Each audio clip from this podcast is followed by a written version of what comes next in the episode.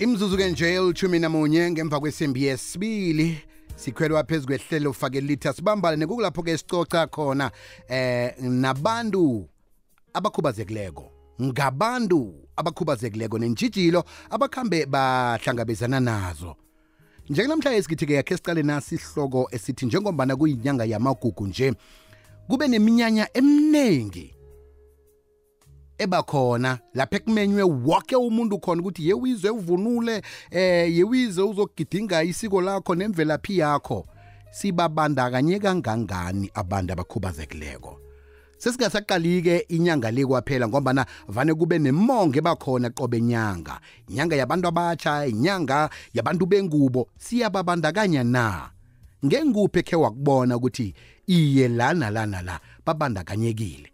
Kuhlayelaphi siba usidosela umtato ku-086 0003278 086 0003278 singakuhlabela-ke ukuthi nawe umuntu okhubazekile kungena uthi yeyi hawa thina lana lazivaleleka ngaphandle. Kwenzela ukuthi imphathimandla ezibeka indlebe sicoca nje zikhona ukuthi um zithuthukise into abayenza ukuthi-ke um nasiba neminyanya bakhona ukuthi bavale lapho ekuvuleke khona indunje ezinande zivela lapha nalapha zikwazi ukuthi zithuthukiswe. Qala msi um emarenkeni. Emarenkeni eh nafaneke um ukhwele usuke endaweni ithize uye kenye indawo. Eh yinto ekade ikhulunyisa ukuthi eh emtaxini apha kuba nobudisana ukuthi umuntu okuhamba ngesitulo samavili akhwele ngombana abantu bangena ngebelo. Wonke umuntu ufuna ukuthi angene athole eh isikhundla sokuthi ahlale phasi. Bese wena ukuhamba nge-wheelchair usale phasi kungaba nomuntu okutshejako. Fanele uyokuthoma iteksi phasi. Into ezifana nalezo mva nje imbhesi ezithutha abantu emadorobheni amakhulu iye zinayo eh indlela yokuthi abantu abakhamba ngentulo zamavili bakhona ukuthi eh, bakhwele bazikhwelele ngaphandle ukuthi basunduzwe umuntu kodwa-ke kezinye eh indawo keminye imakhiwo keminye yeminyanya bayabandakanyeka na? Asibumbane dosa umtato ku-086 khe sizwe wena ukuthi ngenguphi ekhe wakubona ngenguphi ongafuni ukuthi kwenziwe ngcono? Kwekweza kwande sikhulu akwande. Ngusikhosana ozibereka komntwana enkosi ngiyathokoza tshali eh umbuzo wakho umnandi khulu ngiyawizwa yazi uyatshelela ngiyawizwa. Mm. ngikhambe umnyanya naka wamagugu damarafiri state eh, stadium lapha usomakhawulenze khona umnyanya. Iye. Abantu abatsha bababandakanye khulu badlala ichaza elihle khulu kwamambala bababaluleke khulu abantu abatsha ukudlula abantu abadala. Mm. kuyatsho ukuthi abondaba ezitha nalapho kugija mphinzeni kamabhoko number two abantwana baba baningi ukuthi basesenekareko lokufunda ngesintu. Iye.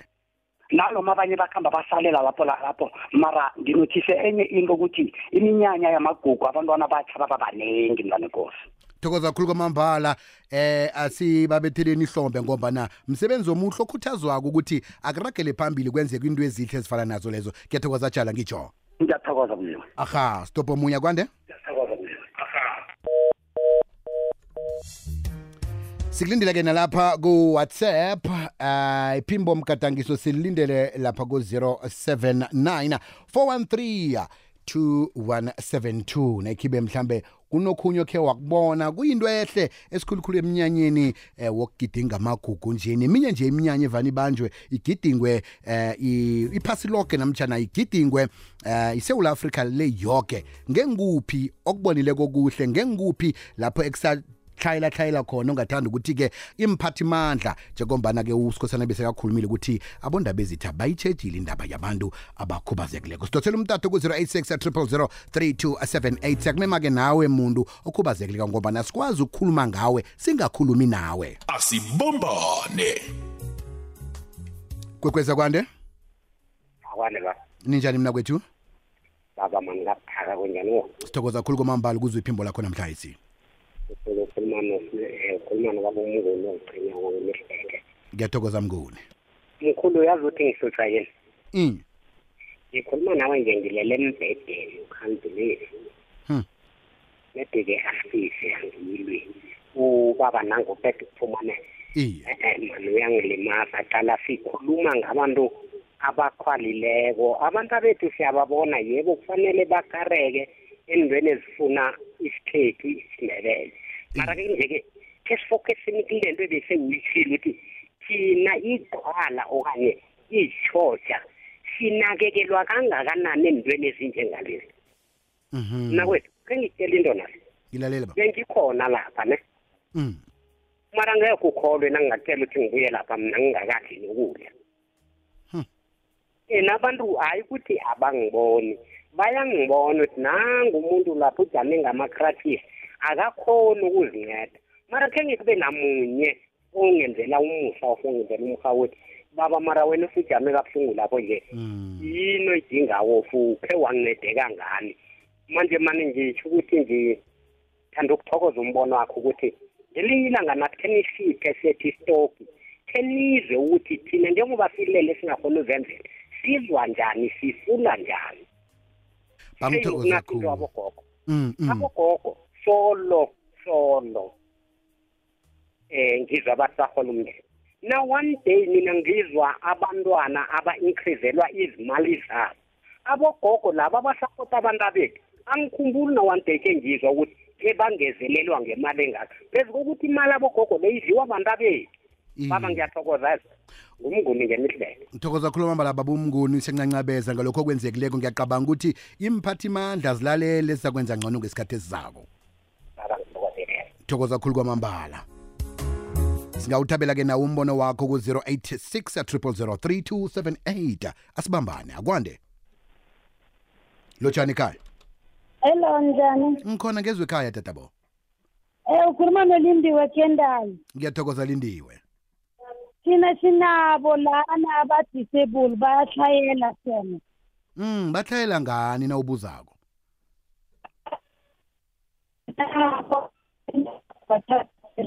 eh tatabo ngiba ujike ucala engcenye ngombana ukuhamba uyaqundeka lapho lapho ujame khona Okay baba. ngiyakuzwa-ke nje ungaraga Iye ngithi mina bayahlayela mangithi ngiyalandelela awa vela abantu abangabathathi serious. mm njeke umasipala eniwela ngaphasi kwakhe ngenguphi Umasipala esiwala ngaphasi kwakhe ngowasephola emalaseni Witbank. Ngikubuza ngabomi ngombana ngifuna ukuthi bezwe ukuthi faneke badosa amakowusi bawakhuphule ukuthi eh bathuthukise indlela ebenza ngayo izinto. Siyathokoza tatabo yezwa? Thokoza mina baba. aha kwekwezi emoyeni lotshani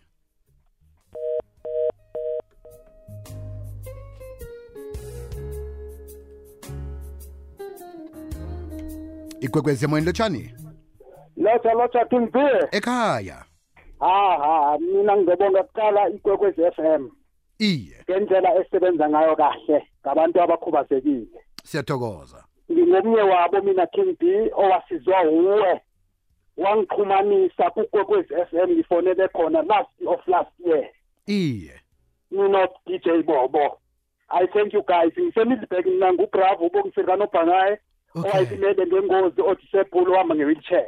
Ngiyakhumbula ba. angithethi for umasipala wasemidlibhek iye whatever engiyifunayo bayangilanda abakwamasipala mangifuna uya somewhere bayangilanda special bangihambise Hmm, hmm, hmm. so ngiyabonga king b thokoza especially ikwekwezi f m yiyo eyangi- eyangivezayo yanginikeza lolu gozi wokuthi ngaziwe mina. Mna kwethu sithokoza kakhulu kwamambala siyakhuthala nathi ukuthi eh nakunabantu abaza kuvela batsho ukuthi mina ngasize kanganasi indlela begodwa nalaba abasikimako nabezwa umlayezo okhuluma emhathweni apha siyabathokoza umasipala ombaloko lo wemiddleburg sithokoza kakhulu kwamambala baragele phambili nakabanye. Thokoze nakuwe king b no dj bobo. Thokoza Thank you. sithokoza kakhulu kwamambala. Kwekwezi emoyeni lotshani lihlelo fakele lithi asibambane kukulapha sikhuluma khona nabantu abakhubazekileko ngabo begodwa nentshijilo abakhambe bahlangabezana nazo ke sizwe kuwa kwande Eh kunjani biziwe? ngikhona njani mna kwethu Khuluma no Finn Solomon Mahlangu ekwakha A. ngiyathokoza mlungwa Ya, yabiziwe kunabanye abantu nabo mina bayangicaka umbereko wabo bayavilapha ukwenza. More especially ibiziwe nasiza la u-aware ukuthi enye nenye municipality ine-desk yama eh.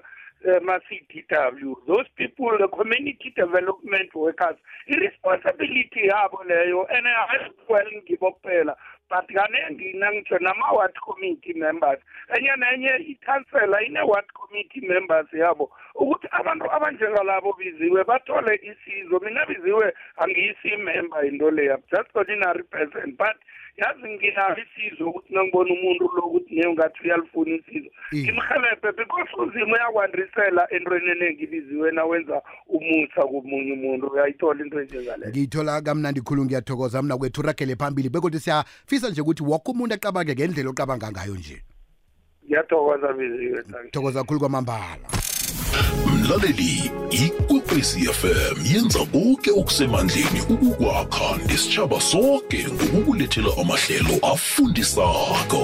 Konke lokhu kungababulula ngombono nomfakela ovela kuwe ukuthi ikwekwezi fm ingakusebenzela njani ngcono njengomlaleli wayo? Sitlolela ngeposomoya ethi info at ikwekwecfm co za lalela ihlelo olithandako ngepodcast ngesikhathi sakho ku-ikwekwecfm co za kukhanya ba nalo leli ke ungakhona ukuthi ulabelane nabantu ochidelene nabo eh, abantu elibaphundileko nawe nafuna ukulibuyelela uyakhona ukuthi uthinge ku-www ikwekwezfm co za lapho exolwe khona podcast eh uza kuthola lapho exolwe khona. Asibambane ngaphasi eh kwehlelo sidishile kulapho uzalithola khona. Asibumbane. Stop ababili siyayivala. Nye namhlanje si sithome ngapha-ke eh ku-whatsapp. Sawona sawona msakazi. Akwande mna kwethu? Cha futhi abantu abaphila nokukhubazeka kwezinye indawo banakekelwa kakhulu. Angifuna ukuqamba amanga nje futhi banakekelwa kakhulu cause ukuphila ngokukhubazeka akusiyo into osuke uyithanda and awusiyo into osuke uzenzele yona but uyayithola nje ek- ekuhambeni kwempilo sometimes. So engifuna ukusho mina mfowethu uyabona la e- e-Gauteng la? Engikhona mina. Kunala mabhasi lawo okuthiwa um uRia Vaya I- ama-Ria Vaya mfowethu anayo indawo lana ukugibela khona abantu abagi- abangena nama-wheelchair akhona. So nami mfowethu ngiya- ngiya- ngiyagqugquzela nje ngempela ngempela ukuthi abantu abaphila ngokukhubazeka banakekelwa kwezinye indawo ngempela. Kodwa kwezinye indawo-ke mfowethu akabanakekelwa angifuna ukuqamba amanga banakekelwa. Tu tu tu tu tu.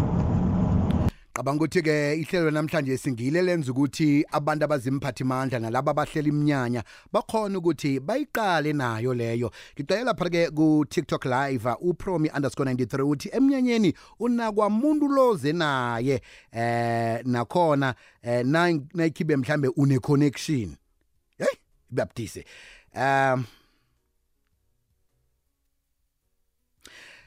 ukarabo vanessa uthi biziwe engiyibonako mina ke emnyanyeni vane eh nakujanywa umjeje gcinwa sekusundruzwana lapho abantu abakhubazekileko bagcine bangakakutholi lokho efane kutholakale okujanyelwe emjejeni. Eh lengebuya kulinda mhlawula uthi siyabafaka biziwe kuma-event eh ngombana ke abanye bayakwazi ukujiva abanye eh, bakwazi ke ukwenza amahlaya into ezifana nalezo. Sithokoza kakhulu kwamambala. Eh kibe wonke nje umuntu obeka indleba sidobhe wokuphela bese siyalivala. Lanamhlanje sing akwande? Kwekwezi emoyeni lotshani ninjani? Sikhona sikezwe ekhaya ma.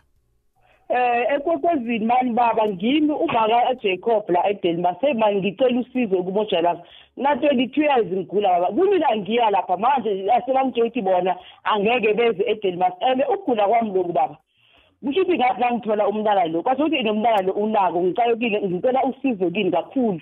Mhm. Njeke eh, ukuphi nendawo edelmas ma? Eh, extension 3 nale iyangimunya baba iyangikhamba ene mangihambile ngikhipha ugazi akunini ngichicha akumajalasi baba. Angitholi isizo ngizikhambile inyanga azi- yazini ngihlangahlangene Ma- and iwari yami ukuthi nangasala umntana lo uzala yini? Okay ma ngiba unga- ungabeki phasi ngibawa ungibambele njalo ngikwazi ukuthola inomboro zakho sibone ukuthi angeze sathola. Umuntu mhlawumbe osebenza ngesintu akhona ukuthi azi ukuthi uza kusiza njani? Yazi baba right. Qabange ukuthi-ke u- uma sim uthathwa ke inomboro zakhe ngale ngiyathokoza porhola. Njeke sithokoze khuluma mbala ngehlelo elimnandi elidlule ngendlela leyo-ke. Namhlanje sakubuya kodwa ngeveke zako ngesikhathi esifanako sithi asibambane. Asibumbane.